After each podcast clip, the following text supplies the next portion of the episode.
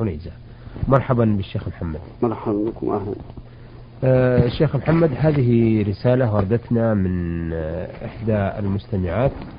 تقول هل يجوز للمرأة أن تقصر شعرها وتستعمل ما يسمى بالقصة وكذلك عمل القصة على الجبين للبنات الصغار؟ الحمد لله رب العالمين والصلاة والسلام على محمد خاتم النبيين ورسول رب العالمين وعلى آله وأصحابه ومن تبعهم بإحسان إلى يوم الدين. من المعلوم أن شعر رأس المرأة من جمالها ومما تحظى به عند زوجها. وهذا أمر معروف لدى الناس حتى جاءت المدنية الحاضرة التي يعشق الناس فيها كل جديد وصاروا يتلقفون ما يرد إليهم من عادات وتقاليد. منهم من يعرضها على كتاب الله وسنة رسوله صلى الله عليه وسلم فإن رأى في ذلك متسعا عمل بها وإن رأى منعا تركها. ومنهم من يتلقف هذه العادات والتقاليد على علاتها ولا يبالي أوافقت الكتاب والسنة أم خالفته ولا ريب أن المرأة لا يشرع لها قص رأسها إلا في حج أو عمرة تقصر من أطرافه. وأما التقصير منه في غير الحج والعمرة فإن العلماء اختلفوا فيه على ثلاثة أقوال. منهم من يرى التحريم ويقولون بأنه مثله ومنهم من يرى الكراهة وهذان قولان في مذهب الإمام أحمد. ومنهم من يرى الإباحة وأنه لا بأس به وهذا القول مقيد بما إذا لم يصل الأمر إلى حد التشبه بالرجل بحيث تقص المرأة رأسها حتى يكون كهيئة رأس رؤوس الرجال فإنه في هذه الحالة بل في هذه الحال لا يجوز لها أن تفعل لأن ذلك من التشبه بالرجال. وقد لعن رسول الله صلى الله عليه وسلم المتشبهات من النساء بالرجال. وبناء على هذا القول فإن القصة التي تكون في مقدم الرأس وعلى الجبهة لا بأس بها. ولكننا لا نرى للمرأة أن تفعل ذلك. نرى أن الأولى أن لا تفعل لأننا, لأننا لا نحب أن نتلقف كل ما جاءنا من غيرنا. نعم. وهي أمور عادية بل إن بقاء الإنسان على عاداته يكون أقوى لشخصيته وأبعد عن الانزلاق في عادات قد تكون محرمة في شريعتنا. ثم هو أدل على التمسك على تمسك الإنسان على تمسك الإنسان بما عنده من عادات وتقاليد وهذا يؤدي إلى قوته أيضا في التمسك بما عنده من الديانات عقيدة وعملا وسلوكا ومنهاجا. ولهذا نرى هؤلاء الذين ينزلقون وراء هذه العادات ويتابعونها نراهم غير أقوياء في التمسك بدينهم. وربما ينجرف به وربما يجرفهم التيار إلى أمور تتعلق بالدين والعبادة. لهذا أرى أنه لا ينبغي للمرأة وإن قلنا بجواز ذلك لا ينبغي للمرأة أن تستعمل هذه القصة لأننا نخشى أن نكون وراء هذه الواردات إلينا. نعم. وأما بالنسبة للقصة للصغيرة فإننا نرى ألا تفعل أيضا. لأن الصغير إذا شب على شيء وألفه استساغه بعد كبره. ولهذا أمر النبي صلى الله عليه وسلم أن نأمر أولادنا بالصلاة لسبع سنين وأن نضربهم عليها لعشر سنين مع أنهم لم يكلفوا بعد من أجل أن يتمرنوا على فعل الطاعة ويألفوها حتى تسهل عليهم بعد الكبر وتكون محبوبة لديهم. كذلك الأمور التي ليست بمحمودة لا ينبغي أن يعود الصغار عليها وإن كانوا غير مكلفين وذلك لأنهم يألفونها عند الكبر ويستصيغونها نعم. آه هذه الرسالة وردت من الخليفة مهدي عبد الستار من العراق محافظة صلاح الدين. يقول فيها إني مهدي عبد الستار أحد خلفاء الطريقة الرفاعية سؤالي حول موضوع الطرائق آه، الطرائق الصوفية. إني سمعت من فضيلة العلماء أنهم يشكون في الطرائق في برنامجكم هذا ويقولون بعض العلماء أن الطريقة بدعة حيث أنها لم ترد عن رسول الله صلى الله عليه وسلم حيث أني آه، أخذت الطريقة عن شيخي وأن شيخي أخذ الطريقة عن أبيه وأبيه وأبوه عن جده وهكذا. إلى سيدنا الكبير سيد أحمد الرفاعي. أما السيد أحمد الرفاعي هو ابن السيد سلطان ابن علي وستة أظهر ينتسب إلى سيدنا الحسين بن علي بن أبي طالب وهو الذي له الطريقة الرفاعية وتنسب إليه وهو الذي أسس ضرب الحراب والسيوف والدخول في النار وعمل الرفاعي كيف تنكرون هذا. وقال الله سبحانه وتعالى ويختص برحمته من يشاء. وقد خص الله سيد أحمد الرفاعي بالكرامات والشواهد الذي جاءت بها الكتب الصوفية. مثل قوله أمام حضرة الرسول صلى الله عليه وسلم يا مصطفى أنت للأسرار منزلها إلى آخره فمد يدك أو فمد يمينك لأقبلها لكي تحظى بها شفتي وظهرت يد الرسول فقبلها سيد أحمد الرفاعي. هل هذا حق أفتونا فيها؟ وشكرا لكم.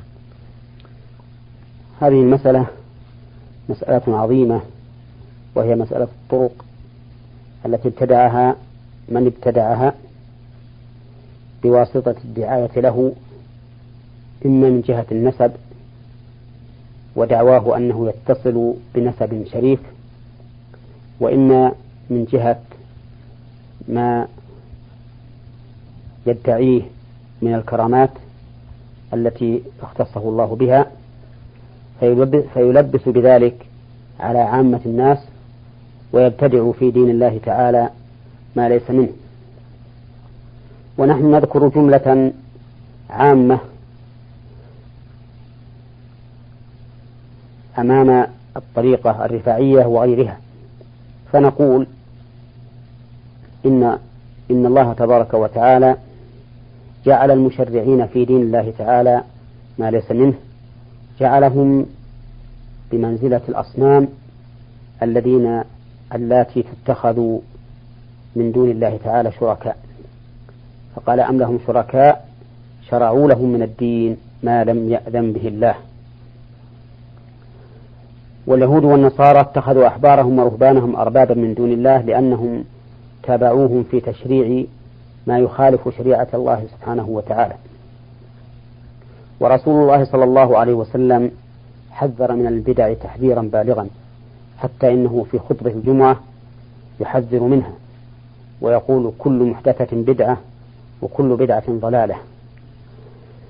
فهذه الطرق التي يبتدعها أهلها ليتقربوا بها إلى الله ولم تكن من سنة النبي صلى الله عليه وسلم نقول عنها إنها بدع محرمة وإنها لا تزيدهم من الله تعالى إلا بعدا وأن ما يدعونه من نسب شريف أو من كرامات يختصهم الله بها فإنه لا أساس لها من الصحة ما داموا مخالفين في ذلك لشريعة النبي صلى الله عليه وسلم. فإن الكرامات لا تكون إلا لأولياء الله سبحانه وتعالى وأولياء الله تبارك وتعالى بينهم الله بينهم الله سبحانه في كتابه في قوله ألا إن أولياء الله لا خوف عليهم ولا هم يحزنون الذين آمنوا وكانوا يتقون. فنحن نعرض حال هذا الرجل الذي يدعي الكرامات نعرضها على كتاب الله وسنة رسوله صلى الله عليه وسلم.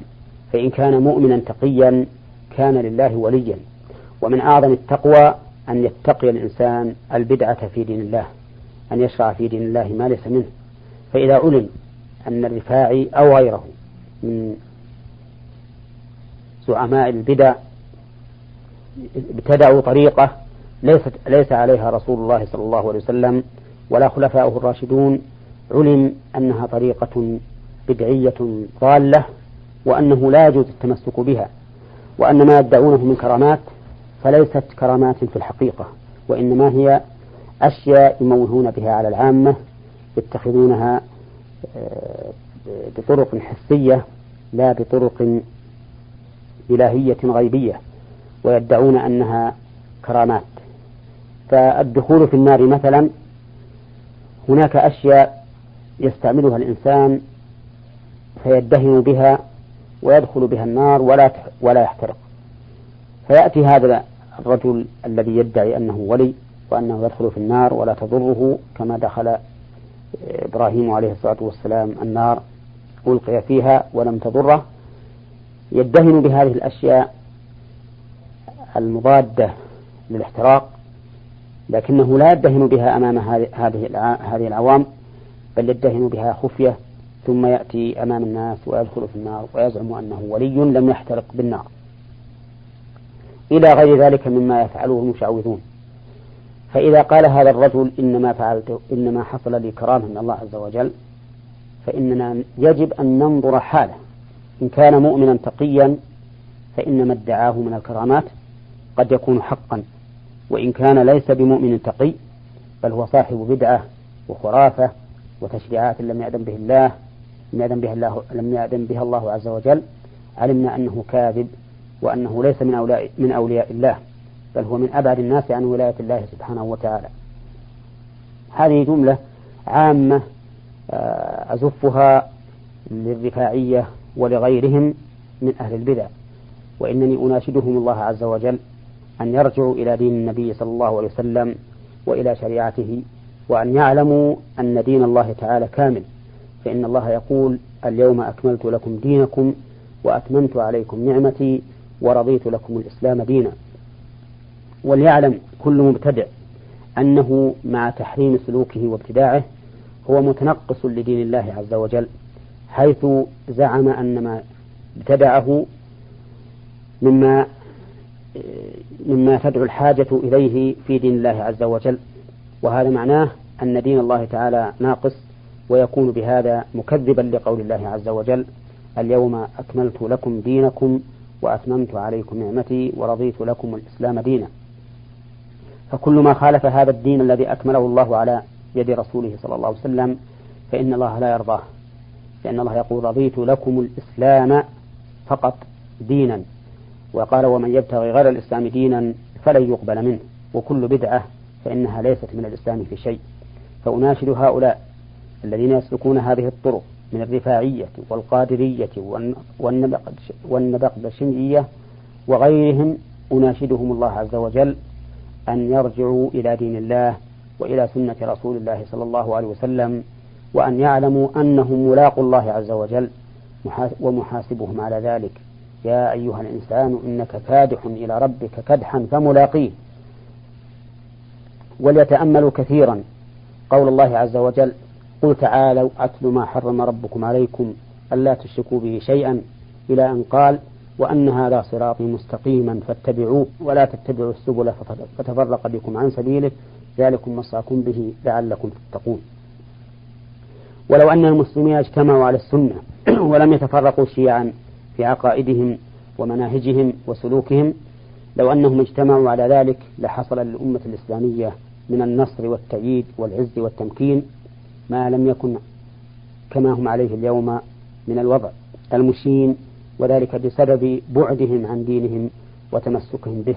والله أسأل أن يصلح المسلمين وولاة أمورهم وبطانتهم إنه جواد كريم. آه، لكن بالنسبة لرؤية يد الرسول صلى الله عليه وسلم كما ذكر هذا الشخص آه، وترى مثلا آه، واضحة أمام الحضور هذا أيضا نريد تعليق عليه. أولا نقول إن هذه القصة بل وكل قصة وكل خبر فإنه لا يمكن ثبوته إلا إذا وصل إلينا من طريق العدول. ثم إذا وصل إلى غاية السند فإننا ننظر أيضا من هذا الرجل الذي تحدث بأنه رأى الرسول صلى الله عليه وسلم هل هو مقبول الخبر أو غير مقبول الخبر؟ ثم كذلك بعد ننظر كيف رأى النبي صلى الله عليه وسلم أو شيئا من جسمه عليه الصلاة والسلام وهل هو على الوصف المعروف الذي ثبت من أوصاف الرسول صلى الله عليه وسلم أو لا؟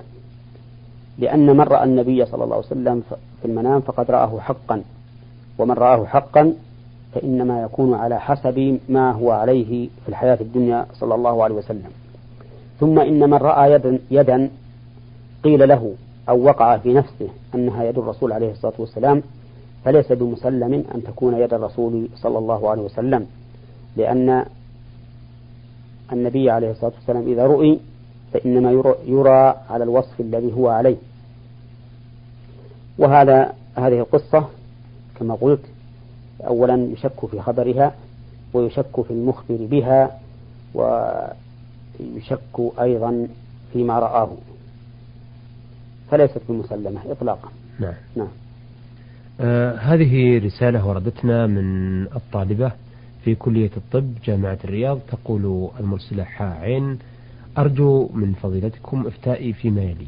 بحكم دراستي في كلية العلوم أو في كلية الطب أحتفظ ببعض آه العظام فما حكم ذلك؟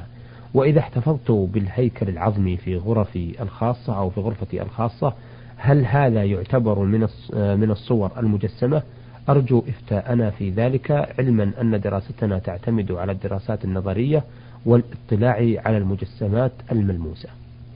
أولا نقول إن هذا الهيكل هل هو هيكل إنسان أو هيكل حيوان آخر؟ إن كان هيكل حيوان آخر فلا بأس من الاحتفاظ به ولا بأس من تشريحه ولا بأس أيضا من كل عمل يكون فيه مصلحة للطب لأن الله تعالى يقول هو الذي خلق لكم ما في الأرض جميعا. فمتى كان في هذه المخلوقات التي خلقها الله مصلحة لنا في ديننا ودنيانا فإنه ليس علينا حرج في أن ننتفع بها. ولهذا يجوز لنا في الحيوان الذي أباحه الله لنا يجوز لنا أن نذبحه ونقضي على حياته لأجل أن نستفيد بلحمه. أما إذا كان هيكل إنسان فإن هذا فإن كان الإنسان محترما كالمسلم والذمي والمعاهد والمستأمن فإنه لا يجوز للمرء أن يمثل به وأن يحتفظ بهيكله. وإذا كان إنسانا غير محترم فإن هذا محل نظر ويحتاج إلى بحث ومراجعة وإصدار فتوى عامة ينتفع بها المسلمون. نعم. أما بالنسبة للهيكل غير هيكل الإنسان فإنه لا بأس بالاحتفاظ به لدراسته أو لغير ذلك. وليس هذا من الصور المجسمة لأن الصور المجسمة هي التي يصورها العبد مضاهاة لخلق الله عز وجل فيصنعها مضاهيا بها خلق الله. أما ما كان من مخلوقات الله فإن هذا ليس من الصور قطعا. شكرا أثابكم الله. أيها السادة إلى هنا نأتي إلى نهاية لقائنا هذا الذي تحدثنا فيه.